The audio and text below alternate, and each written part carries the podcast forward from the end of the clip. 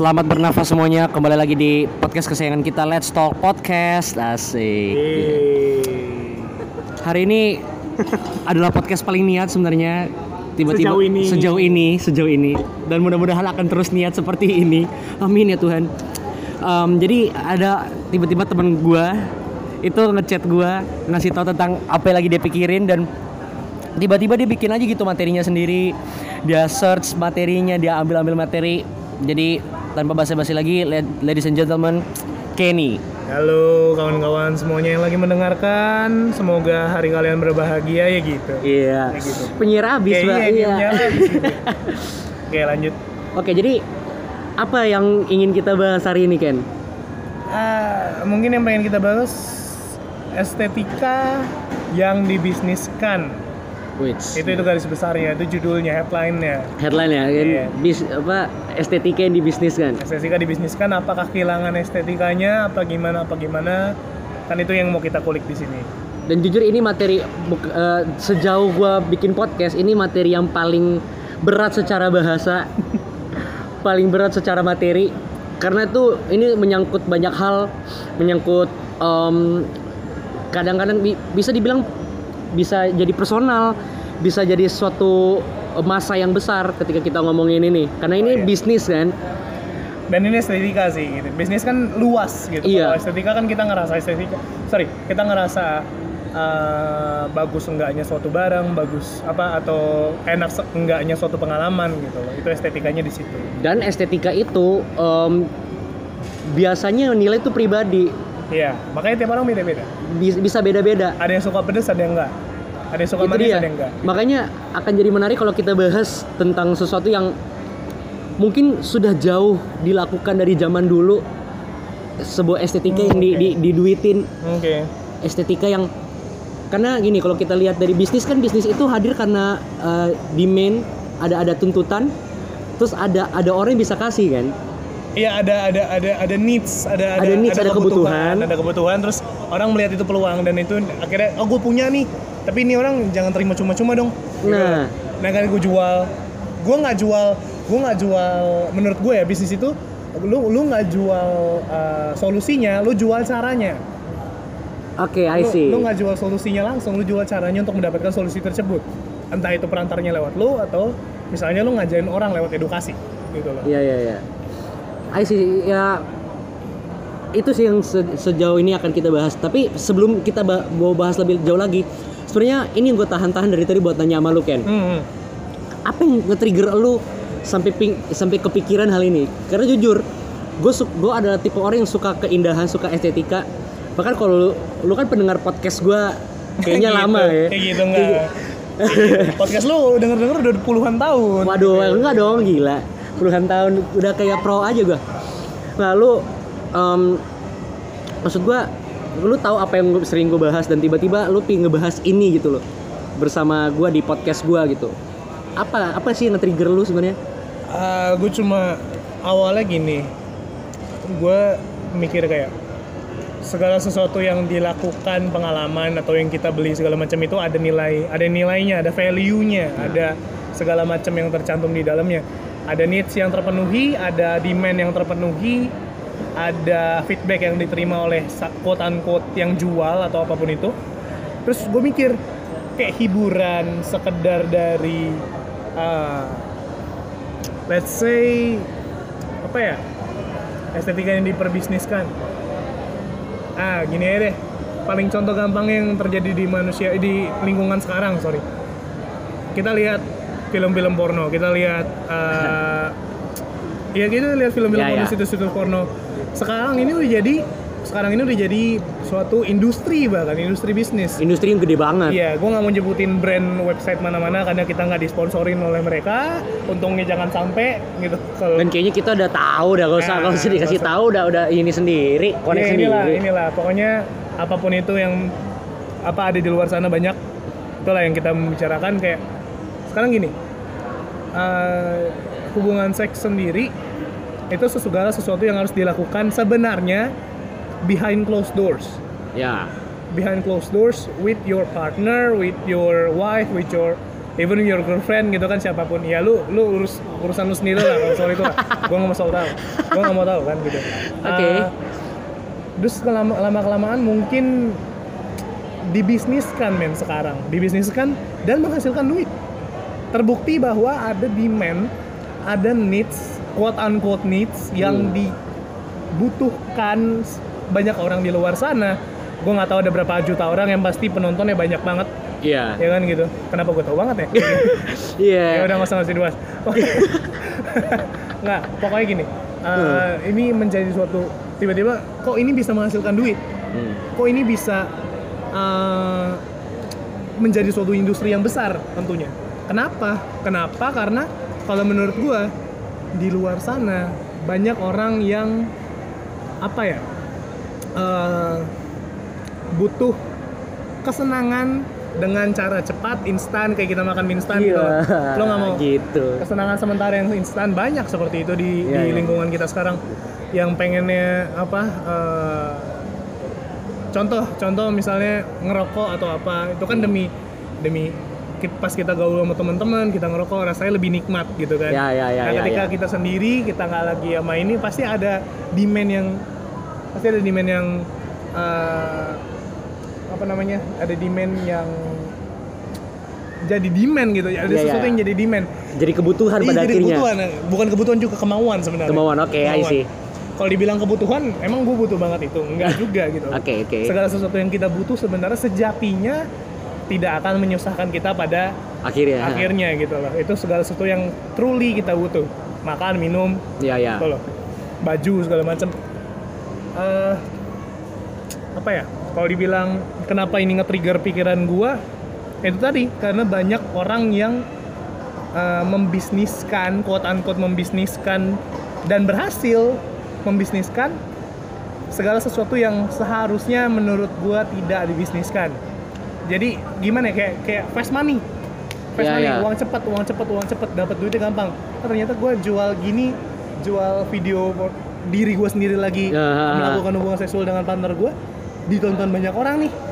Dan itu menimbulkan apa ya awalnya menimbulkan eh, wah eh, apa namanya peluang apa lagi yang gue bisa ambil di bidang ini? Bi- di bidang ini gue dibayar. Hmm, nextnya ya, ya. apa? Nextnya apa nih aku mulai pakai alat gue mulai dengan siapa gue mulai dengan siapa gitu gitu loh segala Iya. sesuatu yang dibisniskan pasti ada cabang-cabangnya yang nge-trigger gue itu I see. Jadi memang mungkin kalau kalau pendapat gue pribadi hmm. beberapa hal itu memang dibikin untuk keindahan memang karena seseorang yang suka banget sama estetika gitu. Hmm. Pa- Pada pertamanya mungkin tujuan untuk diuangkannya adalah untuk kebutuhan membuatnya lagi. Ah itu bisa jadi Itu bisa jadi ini ini pendapat gue ya. ya. Cuman pada akhirnya yang tadi lu bilang ada demand yang lebih luas, ada cabang-cabangnya iya sehingga ya lu ber- ikut bercabang juga ikut gitu bercabang loh. juga akhirnya dari yang lu tadi fokus ke estetika lu melihat kayaknya kalau gue raup sedikit lebih untung lagi nih lewat cabang yang A B C gue bisa makan lebih kenyang Iya. baju lebih bagus Iya, gitu loh iya akhirnya itu yang narik orang. Fast money kembali lagi fast money. Uangnya cepat uangnya cepat dengan melakukan effort yang minimal. Ya ya ya ya. Sebenarnya gini eh, kalau menurut gua cara menurut gua pribadi cara mendapatkan dan menjadi siap untuk mendapatkan uang atau fame atau apa pun itu yang berhubungan dengan kedagingan Hmm. yang memuaskan kedagingan kedagingan kita adalah me- apa ya melakukannya secara kontinuitas terus menerus terus menerus karena ketika kita langsung dijebret boom Hmm. meledak. Oke. Boom meledak. Kita melakukan apa pun itu yang viral meledak. Kita nggak siap buat itu. Ah ya sih ya. Kita nggak siap. Terus terus, terus gue itu bi- bakal bingung tuh. Misalnya lu buat video YouTube apa kayak sekarang udah banyak kan title-title yang clickbait yang atau nggak iya, yang, iya, yang iya. viral-viral Iya, iya. viral-viral Hmm. Ah, tadi gue bilang demanding. Ah, apa ya mungkin gara-gara rakyat iya rakyat. Jangan ngomong rakyat deh penduduk Penduduk. kebany- ah, sekarang demennya banyak drama juga atau apa I see I see Giliran ngelihat judul yang menjurus ke drama dikit di YouTube Langsung tentang- diklik. Iya, langsung diklik tanpa tahu. Taunya pas diklik dia kecewa itu clickbait. ya kan nggak ngarah ke sana tapi ke hal yang lain Pak- tapi yang tetap dapat duit youtubernya iya padahal ya itu yang yang bego ya yang yang kemakan itu iya buka iya jadi yang bego bukan di kreatornya tapi Iya. penontonnya kalau menurut gue itu yang salah penonton yang kenapa, Nah, sih kita demen banget drama gitu loh iya iya isi, jadi kan isi. kita kalau misalnya gini kalau mis- menurut gua kalau misalnya kita tidak tidak apa ya suka akan hal tersebut melainkan tadi gue bilang kalau lu dijebretin terus sem- semiliar gitu depan muka lu lu Iya. nggak tahu mau ngapain oke tapi kalau lu udah kerja puluhan tahun loyalitas lo eh, dalam pekerjaan ter- tersebut puluhan tahun dan lo akhirnya meng- menghasilkan sekian sekian sekian yang besar banget jumlahnya lo akan siap. Karena lo udah lo udah belajar menghargai duit. Iya iya. Ada proses lah dari Yes. dibalik itu semua sebelum ini terjadi gitu. Yes, itu. Lo udah belajar menghargai duit. Jadi ketika lo dijebretin eh sorry lo udah dapet akan hasil kerja kelas lo yang udah selama misal puluhan tahun ketika lo dapat momentumnya Nah itu udah udah oh ya udah gue belajar gue udah tahu cara menghargai duit kok. iya iya iya iya ya. Ini nggak bakal gue habisin kayak gini atau gue nggak bakal bingung ini mau duit mau ke mana. Hmm. Mungkin bisa gue puter gue buka usaha atau apa pun. iya iya iya Estetikanya bakal ke oh akhirnya gue bisa menjalankan mim- mimpi gue. iya iya Mimpi gue buka usaha. Suka gue suka apa gue suka kopi. Ya udah gue bikin coffee shop. Estetikanya terkreat lagi dari situ. Nah estetik itu itu salah satu estetika yang dibisniskan secara menurut gue secara benar ketika lo udah siap. Ketika lo udah siap untuk mengcreate sesuatu yang nggak instan. Secara nggak I instan. Oke, sebenarnya gue ada banyak pertanyaan tapi akan gue simpen simpen di belakang dulu. Ah. Karena gue tahu ada sesuatu yang mungkin lu pingin sampein dari yang lu siapin gitu kan. Oke, gue tanya lu, hmm. Menurut lu estetika tuh apa? luas luas banget luas banget artinya jadi nggak gue bukan ahli gue bukan siapa-siapa Ah. di sini. Mungkin kalau menurut gue pribadi satu estetika itu pasti ada hubungannya dengan keindahan dan dan indah di mata orang lain yang bisa dinikmati. Satu kalangan orang tapi belum tentu bisa Dinikmati orang kalangan lain. gitu loh. Tadi gue bilang ada yang suka pedas ada yang enggak. Ya ya, ada yang suka manis ada enggak. Eh, estetikanya kan di situ. Ya. di mana segmentasi terbentuk dan masing-masing punya segmennya masing sorry punya audiensnya masing-masing punya apa namanya eh, apa ya Apa kayak ya? kayak desire, kayak, kayak- attitude attitude Ah, tertentu oke. dalam dalam Ya, hal ya, ya. tersebut gitu loh akhirnya lo menciptakan mana yang indah mana yang enggak mana yang enak mana yang enggak gitu loh itu menurut gue itu luas banget tapi kalau kita lihat dari eh, ini gue ini gue research nih Asik. udah gue research nih Hanya Iya. Kenny doang. baru baru baru jangan hanya baru Oke, baru Kenny doang. Ayo dong, Nih yang ya. lain ada dong. nih. Silakan, silakan. Ah, Oke, kita lihat dari siapa? Kita lihat dari J.W. Morris. Oke, dia bilang apa? J.W. Morris bilang bahwa ah, yang dinamakan estetika adalah dikenakan pada objek yang memiliki nilai indah atau tidak indah. Tadi gue bilang ada segmentasinya masing-masing. Iya, iya, iya. Itu loh. Jadi ada yang suka pedas, ada yang suka enggak. Segmentasinya masing-masing punya. Kenapa? Jadi J.W. Morris tuh nih penjelasannya. J.W. Morris menyangkal bahwa pendapat ahli sebelumnya yang menyatakan bahwa estetika merupakan suatu hal yang berbeda dengan seni, di mana estetika adalah seni yang hanya mencakup keindahan saja. Jadi dia bilang bukan cuma indah, Tapi yang nggak indah yang nggak indah juga punya este- punya estetika bagi audiens tertentu I see. gitu loh. Morris menyebutkan bahwa kemudian estetika sama halnya dengan seni, baik itu memiliki nilai indah atau tidak. Dalam bahasannya, Morris juga menyatakan bahwa estetika itu merupakan sebuah objek seni atau art gitu loh. Jadi dia dia lebih ke arah seni sih, lebih ke arah seni dan dan sen- kalau kita cari arti seni itu luas, Luas lagi, ya. Dan gue nggak mau capek, capek, research capek, kuotanya tinggal dikit pak, mohon maaf. Atau kita lihat kata siapa? Kata Oh, Bruce Alsop. Pada, pada tahun 1997, Bruce Alsop mendefinisikan bahwa estetika adalah ilmu pengetahuan yang mempelajari proses-proses penikmatan dan aturan-aturan dalam menciptakan rasa kenyamanan. Jadi, jadi di mana estetika itu ada, pasti orang itu merasa tercukupi, nyaman, enak gitu. Iya, iya, iya. Tapi tadi kata J.W. Morris tidak hanya yang enak tapi juga yang nggak enak punya estetikanya masing-masing. Iya. Jadi kembali lagi, lo mau nanya gue arti estetika apa, gue nggak tahu. Karena luas dan tergantung Luas bagaimana lihatnya. Tapi menurut gue pribadi segala sesuatu yang bisa dinikmati satu kalangan dan tidak dinikmati kalangan lain karena kalangan lain ini punya estetika sendiri juga, punya segmentasi juga. Iya ya. Itu loh. Jadi kalau ya kalau mau ditanya estetika apa, gue bukan ahli, gue cuma apa ya gue gue hitungannya cuma ya orang yang yang tertrigger aja sama ini gitu, estetika yang dibisniskan gitu. Oke, jadi bisa dibilang kalau kalau dari pembahasan yang ini, gue bisa gue bisa nggak bilang kalau semua yang terjadi di semua yang ada di dunia ini saat ini itu punya penikmatnya masing-masing. Yes. Gak ada yang gak, gak, gak ada yang kita bisa bilang benar atau salah. Yes. Gak ada yang kita bisa bilang indah atau tidak indah. 6 sama 6 dibalik 9 1 tambah 1 sama dengan 2 0 tambah 2 sama dengan 2 4 kurang 2 sama dengan 2 tiap apa ya tiap orang punya prosesnya masing-masing punya versinya masing-masing punya pandangannya masing-masing yang ujung-ujungnya kalau kita lihat ya indah-indah aja gitu loh tapi kan perspektif kita beda Oke, jadi ini pertanyaan buat lo nih. Jadi Hmm. estetika itu proses atau hasil? estetika kalau menurut gua, Menurut lo? proses atau hasil gue bilang nah jujur gue nggak bisa jawab jujur gue nggak bisa jawab bukan karena goblok gua bukan karena gue blow on atau gimana enggak karena menurut gue gini setiap proses tahu dong enjoy the process Ya, enjoy the process. enjoy ya, the ya, process Ya, ya, ya, ya. uh, terus karena gimana ya sejatinya hasil itu pasti ada proses yang Ya. yang yang menjadikan itu hasil gitu loh Iya. di mana dalam suatu proses juga pasti ada estetika dalam mengerjakan sesuatu Iya. estetika dalam membuat sesuatu estetika dalam merusak sesuatu bahkan Iya.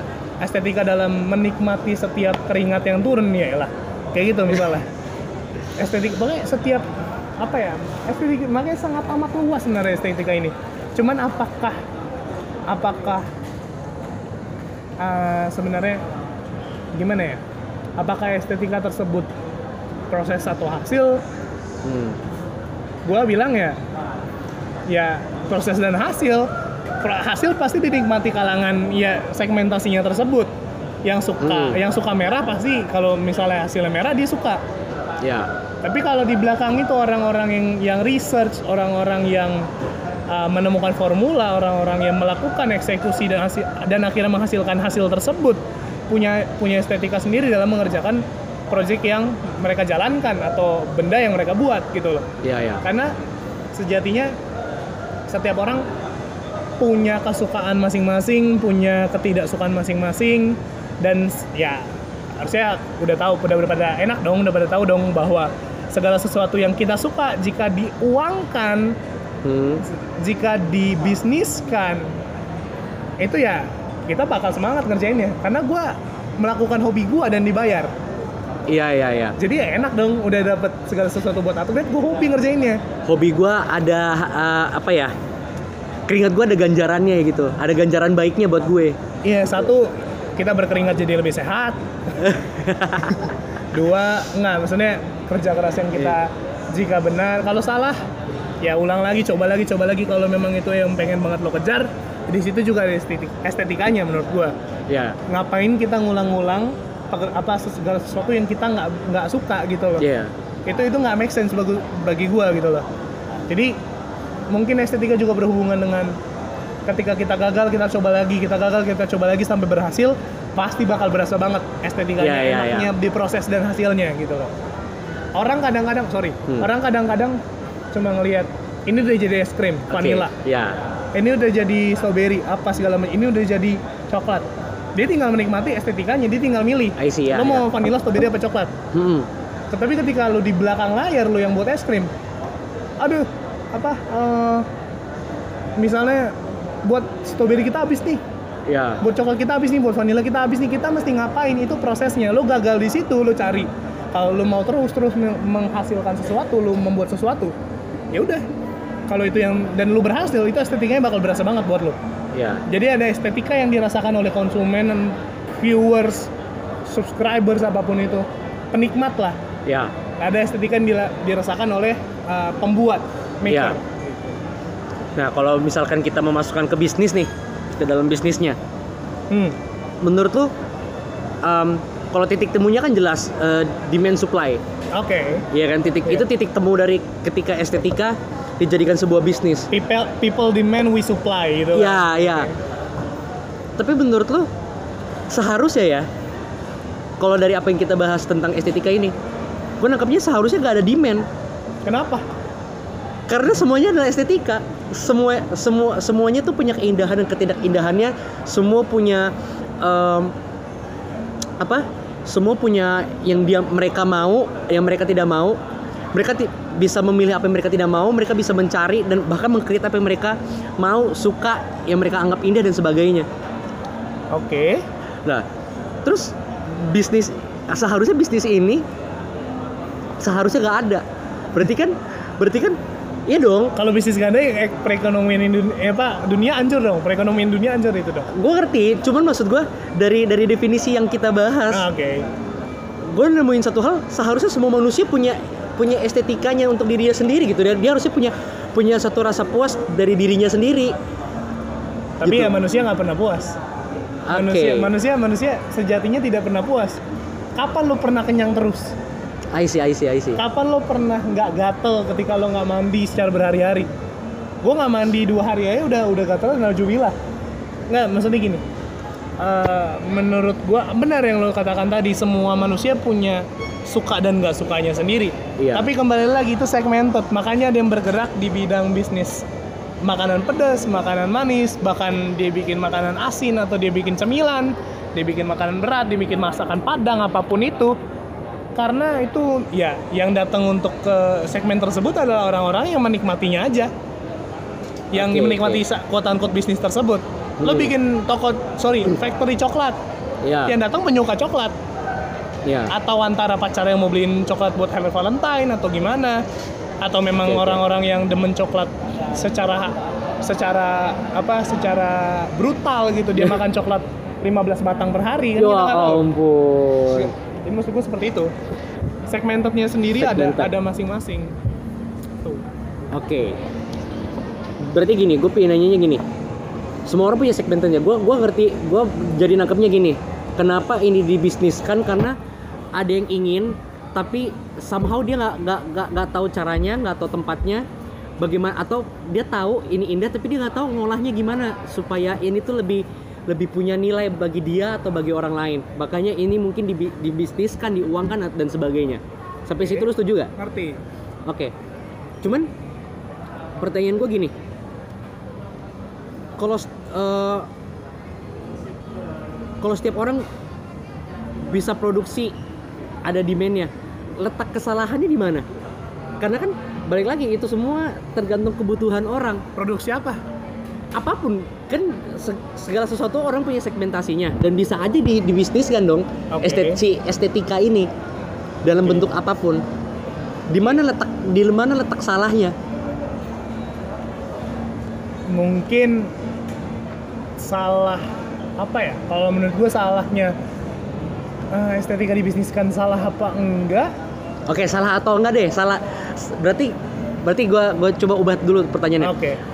Berarti dari apa yang kita bahas sebelumnya nih, Hmm. salah nggak estetika di eh, bahasanya diperjualbelikan? Enggak. Ada karena ada penikmatnya sendiri. I see. Karena gini, apakah bukan salah? Apakah nilai estetikanya ngurang? Menurut gua ngurang. Ah, oke. Ah, ini ini. Itu bukan salah enggak, estetikanya ngurang doang. Ketika lo melakukan sesuatu yang harusnya tadinya lo dapet tapi nggak dibayar dan sekarang lo harus bayar untuk mendapatkan hal tersebut. Hmm. Ah, gue mesti bayar segini nih buat beli kopi. Aku mesti bayar segini nih. Tapi ketika maksudnya gini, lo bisa nggak buat kopi di rumah? Kopi yang bukan kopi sasetan, btw. Iya. Misalnya kopi-kopi di Lu kopi grill. Iya, lu grill iya, sendiri, iya, lu grill tumbuk sendiri. Oke. itu loh itu yang menjadi pertimbangan tapi kalau lu apa ngelihat dari little things yang kayak kopi-kopi mohon maaf kopi-kopi di pinggir jalan yang yang di apa kap- eh, kapal air kapal air yang di Iya. kopi hitam tersebut kan gitu Ah, kan gitu kan di pinggir jalan kita mesti bayar sekitar 3000 atau 4000 buat satu gelas kopi itu kayak gue padahal bisa bikin di rumah sendiri gitu loh iya. tinggal tubruk pakai air panas godok tambahin gula kalau mau Iya. di sini estetikanya ngurang lu nggak bisa ngatur itu gulanya semana karena bukan Se- tangan lo Hmm. lo nggak bisa atur itu airnya panasnya semana atau airnya sematang apa itu menurut gue ngurang karena dikerjakan oleh orang lain Oke. demanding yang lo minta demanding yang lo minta dan lo harapin kadang-kadang nggak sesuai faktanya nggak sesuai Iya. yang lo receive Iya. itu Itu ketika lu beli dari orang. ketika lo beli dari orang tadi kan perjualbelikan bisnis Ah, ah. kita kan ngomongin itu Ah, ah. nah eh, kalau untuk big things yang kayak kopi di ini kopi di apa kopi di eh, coffee shop salah satu coffee shop yang mesti di green bener-bener di eh, di brew bener-bener suhu airnya masih segini segini segini segini takaran kopinya masih segini berapa gram berapa gram lo bisa nggak Hmm. bikin itu di rumah kalau misalnya lo bisa ya nggak apa-apa tapi kalau misalnya lo nggak bisa ya itu lo nikmatin aja dapat harga segini dapat harga misalnya 30.000 ribu padahal mahal banget tapi lo dapat kopi yang bener-bener dihandle sama orang-orang yang udah ahli I see. Oke, jadi gini, somehow kita punya selera yang mungkin cukup tinggi. hmm Ini ini untuk beberapa orang ya, kita punya selera yang cukup tinggi. itu Kita itu selera apa gengsi pandangan pandangan yang cukup tinggi tentang su- suatu estetika. Tapi ketika kita sendiri mengeksekusi kadang kurang, hmm ya kan? Karena kan gitu. Apa yang di bayangan kita tuh udah tinggi banget. Wah, tapi kita, ngerti sendiri ya. ternyata ngerjainnya nggak nggak nggak nggak nggak sesuai ekspektasi kita hasilnya gitu kan Dan ketika kita datang kepada orang yang mungkin bisa bisa tapi belum tapi biasa aja kita kan ngerasain biasa aja tapi ketika seorang ahli yang mengerjakan itu dan kita beli dan kita bayar dan kita bayar akan jadi worth it karena value-nya lebih besar Yes. Di situlah estetikanya juga jat bagi diri kita meskipun kita bayar 30.000 ribu segala macam Hmm. atau bahkan 50.000 ribu buat satu gelas kopi doang, value-nya tinggi buat kita dan kita juga menikmatinya juga. Oh ini sesuai nih, bahkan lebih dari ekspektasi gua. Gitu loh. Jadi mungkin menurut gue yang mungkin jadi salah ketika orang mengurangi estetika adalah ketika itu di- dinikmati secara salah dan diproses secara Ah, salah yes. gimana menurut lo? Diproses secara salah, maksudnya gini. Kalau memang lo bisa ngerjain sendiri, why not? Ya. Dan lo tahu itu hasilnya segitu. Dan lo men- mendapatkan kepuasan dari hasil lo. Ya udah kerjakan aja. ya. itu estetika lo dia nggak bakal ngurang dan gini loh orang tuh terlalu banyak menaruh harapan pada satu hal yang bahkan mereka nggak tahu Yes. gitu loh That's why ada namanya blue film. Karena gimana tuh hubungannya karena gini, kenapa naruh harapannya di blue film hubungan hubungan badan Oke. itu kan bisa kita lakukan sendiri sebenarnya. Maksudnya tanpa perlu kita menonton itu kan naluri sebenarnya ya kan. Oke. Di situ letak keindahannya ketika kita sama-sama mencari titik titik temunya istilahnya Iya. ya kan. Lu tau lah maksud gua. iya Nah, dirusak ketika ada orang yang ngasih ekspektasi.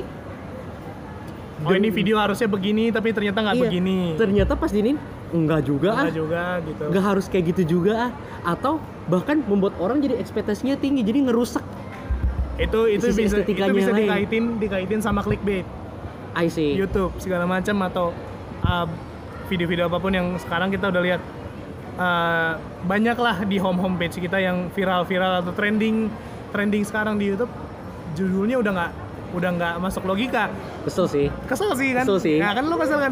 Itu itu ekspektasi lo nggak nggak nemu kan ketika lo nonton? Iya. kira lo kok clickbait? Gitu loh. Hai. Itulah kadang-kadang. Mohon maaf ada yang ngahain Iya. saya gitu. Nggak pokoknya intinya eh, ketika lo mengerjakan segala sesuatu dan itu memang lo tahu takaran lo segitu gue bilang jangan menaruh harapan lebih dari itu. Karena sejatinya lo akan kecewa. Oke. Tapi ketika kita ngeliat orang-orang yang udah ngepost video dengan judul-judul yang udah clickbait, sebenarnya salah nggak salah sih, salah dan nggak salah kita menaruh harapan. Karena satu mungkin kurangnya edukasi terhadap clickbait, ya. Dua mungkin ya emang aja lu, lu aja yang naruh harapan gitu loh. oke berarti dari sini gue bisa tarik dua kesimpulan. Bukan bukan bukan kesimpulan sih ada dua poin yang gue dapat. Hmm. yang pertama gini penting banget yang namanya edukasi.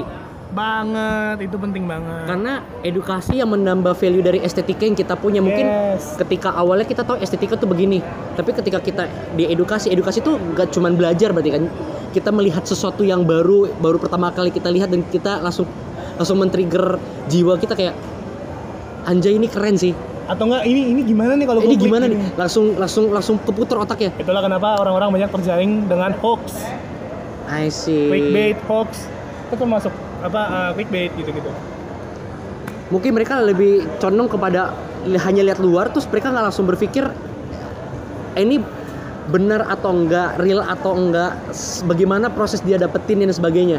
Ya iya ya, kita kita realistis aja gitu loh. Coba deh lo lihat ke YouTube, pasti ada yang beli beli HP ini seharga ini dress like a gembel. Gitu-gitu kan banyak banget Iya viewers. iya iya iya iya iya. iya. Banyak banget viewers. Gue tahu lagi maksudnya. Ya, I know, I know. Maksud gue gini, bukan cuma itu doang. Banyak Ya, ya, yang ya. akhirnya terjaring seperti itu kayak, oh ini ada, ada sebenarnya gini, ada ada satu berita gara-gara dulu kan gembel gembel di YouTube ini kan, Nah. uh, game, sorry sorry, prank gembel di Oke. YouTube ini kan dipopulerkan oleh salah satu artis. Iya. Uh, inilah ada namanya BW, BW, BW, BW, kita BW. bilang BW. Uh, dipopulerkan oleh dia. Akhirnya sampai ada salah satu berita di mana ibu-ibu masukin gembel ke rumahnya karena dia kira itu BW. Ya Tuhan. Ya Tuhan, absurd banget. Ibu kayaknya harus de- denger-dengar podcast saya deh, Bu, biar sedikit tercerahkan deh, Bu. Enggak gitu, itu itu seperti itu, seperti itu. Nah terus ya apa?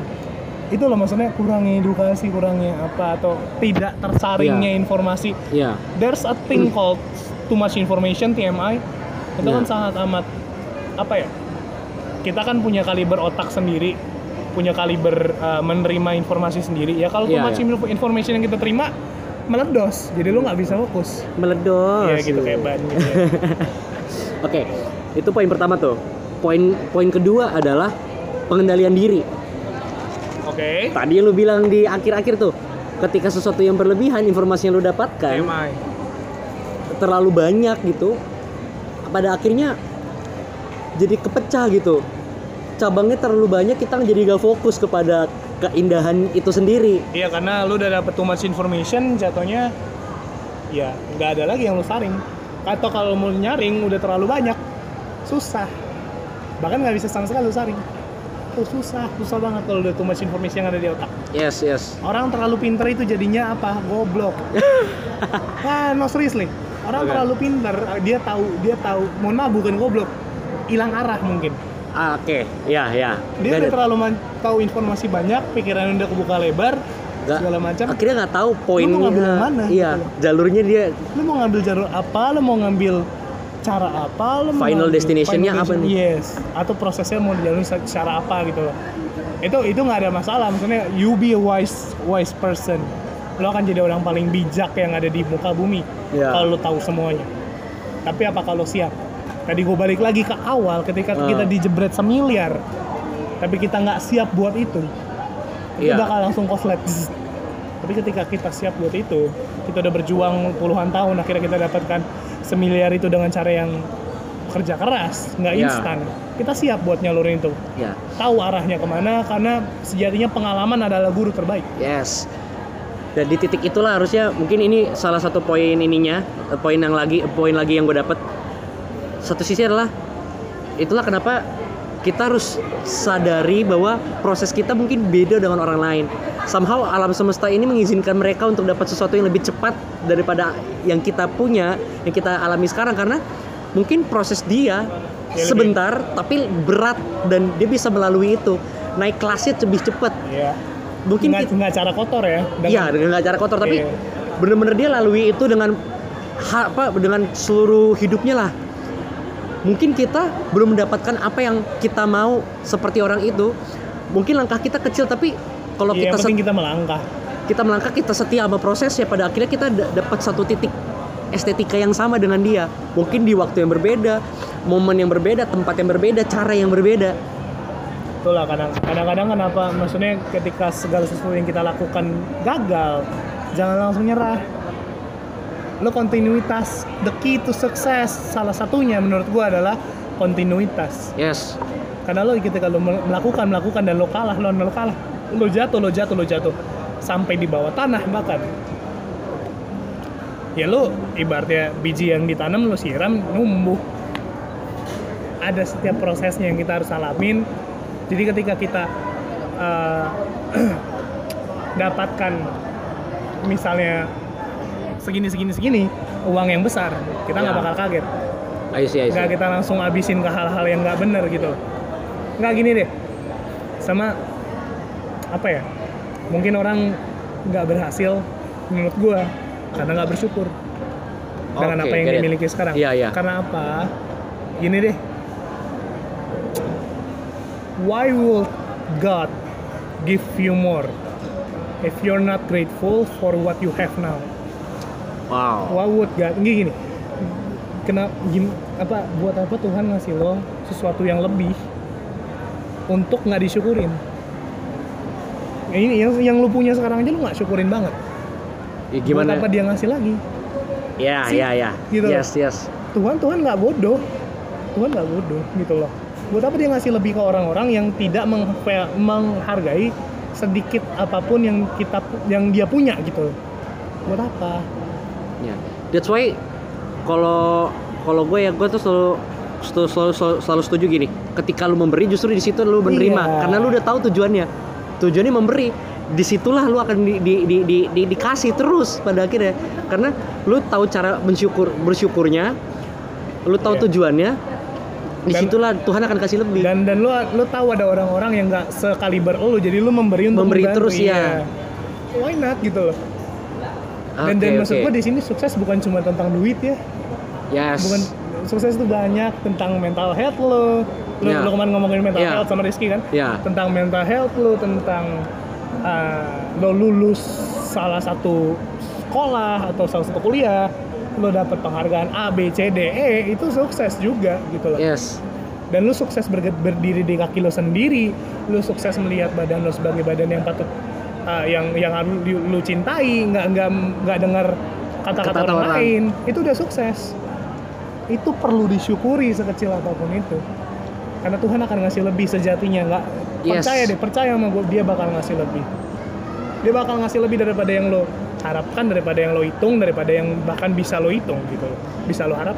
That's why ada namanya proses supaya kita di- dibesarin lagi kapasitinya, supaya kita bisa kasih lebih banyak orang lagi. iyalah ya maksudnya lu lu nggak kalau kalau bahasa kasarnya lu siapa sih Yes. kalau lu oke. nggak berproses Yes, yes, yes, lu yes. siapa sih Proses orang mau masuk anggota legislatif yudikatif aja mesti melewati proses penyeleksian yang sangat amat ketat kok mau jadi presiden mesti ketat kok segala macam wah kan lu siapa di dunia ini di dunia itu lu siapa kalau lu nggak melalui Wow. proses kemiskinan atau proses apa pun itu gitu loh ketika lu jatuh depresi dan banyak orang salah mengartikan depresi. Hmm. nah kita nggak usah bahas ke sana lah. Pokoknya intinya satu titik lu depresi. Lu kira lu depresi. Lu jatuh ke dalam depresi. Buat apa buat apa dia apa ya? Nggak nggak. Buat apa lu dibikin jadi happy jadi apa kalau misalnya lu nggak bisa menemukan titik pelajarannya di situ. Banyak Oke, orang oke. banyak orang banyak orang yang harusnya gini. Menurut gua gini banyak orang yang harusnya mengubah pola pikirnya dari kenapa gua yang dicobain menjadi pelajaran apa nih yang mesti gua apa? Bukan Iya, kenapa, tapi dia apa? Iya. Ap- pelajaran apa nih yang bisa gua ambil dari ini Ya. dan cara gue bangkit gimana satu berdiri dulu Ya. Da- maksud gue berdiri kaki sendiri eh, pola pikir yang fresh segala macam dan sejatinya kalau lo kental banget sama agama ya masukin eh, siapa pun tokoh yang ada dalam agama lo itu Iya. ke dalam hidup Jadikan lo itu lebih lagi. pegangan. yes ibaratnya bayi nggak bisa jalan kalau dia nggak pegangan duluan Yes. tuh Oke. Terakhirnya nih. hmm. Em, berarti gini. Ada banyak titik abu-abu di sini. Antara bener atau enggak. Iya. em, boleh atau enggak. Berguna atau enggak. Kalau pribadi, pada akhirnya gue kembali kepada ini. Mungkin lu akan sering dengar kata-kata ini. Segala sesuatu diperbolehkan benar, Iya. tapi bukan segala sesuatu membangun. Segala sesuatu diperbolehkan benar, tapi gak segala sesuatu tuh berguna. Nah, terakhir dari gua, menurut lo solusinya dari estetika dan bisnis yang dipertemukan ini apa? Gak ada salahnya juga sebenarnya dari awal. Iya, iya, iya. solusinya ya solusinya ya ya apakah itu satu memang bener-bener di demanding sama orang lain atau sama diri lu sendiri Wow, oke. segmentasinya Ya, kalau nggak perlu-perlu banget buat apa sih iya, cara iya. bisnis itu kan lu cari sebenarnya bisnis itu kan eh, sorry gue bukan mau tahu soal bisnis Ya. gue bukan orang bisnis tapi yang gue belajarin bahwa bisnis lo cari or lu cari orang punya problem Lo cari problemnya, lo punya problemnya, lo jual cara mendapatkan problem tersebut, bukan bukan solusinya yang lo cari. Iya, iya, yang iya. lo jual gitu. Tadi gue bilang, jangan jual solusinya, jual caranya. Jadi ya dia nggak instan. Oke. Lah lo nggak mungkin dong belajar pertama kali, ibaratnya gini, lo belajar pertama kali naik sepeda. Hmm. Gak mungkin dong dikasih, kita lepas roda pembantunya deh. Gak mungkin bisa dong. Iya. Tanpa dorongan lo jual caranya di kayu. Iya. Dari bokap nyokap lo mungkin bilang kayu yang cepet. Seperti itu. Jual I see. cara mendapatkan solusinya agar lo nggak jatuh-jatuh. Gitu. Oke. Kayaknya udah Udah, cukup. Udah udah cukup ya kayaknya ya. Panas, nih, panas. Cooling down dulu masih ada kelas. Oke, iya iya bener banget masih ada kelas. LCCI. Masih ada ujian lagi ya, ujian yang nggak dikasih tahu bahannya apa. Itulah kadang-kadang hidup itu nggak nggak nggak bisa diprediksi ya gitu. Iya lah. Kan. Eh, Jangan-jangan Bu Prita nih ya, ya lagi gitu. Jangan. ya. Kasian. Mungkin ada sesuatu yang lu sampaikan tapi belum sempet keluar. Enggak sih cukup cukup cukup cukup Udah cukup ya. cukup cukup cukup. Oke, itu aja teman-teman. Semoga pembicaraan kali ini um, bisa membuka pikiran teman-teman ya. Bisa berguna buat teman-teman gitu kan. Di sini kita tidak memaksa, lu punya pandangan sendiri, Yes, silakan yes. jalankan. Lu mau dengar silakan, enggak enggak apa-apa. Episode kali ini tuh kita mau ngajarin kalian untuk membuka pikiran dan men- mencari bukan hanya sekedar sekedar oh ya Kenny bener atau Pierre Oh, bener. No, no, no, no, no. Tapi hanya sebagai acuan aja. Oh, iya gue harus cari lagi, cari lagi. Karena lu akan pada akhirnya lu akan ketemu sendiri gitu. Iya. Oke, itu aja um, mungkin lu kasih tahu Instagram lu atau apa gitu biar mereka bisa Oke. ngikutin.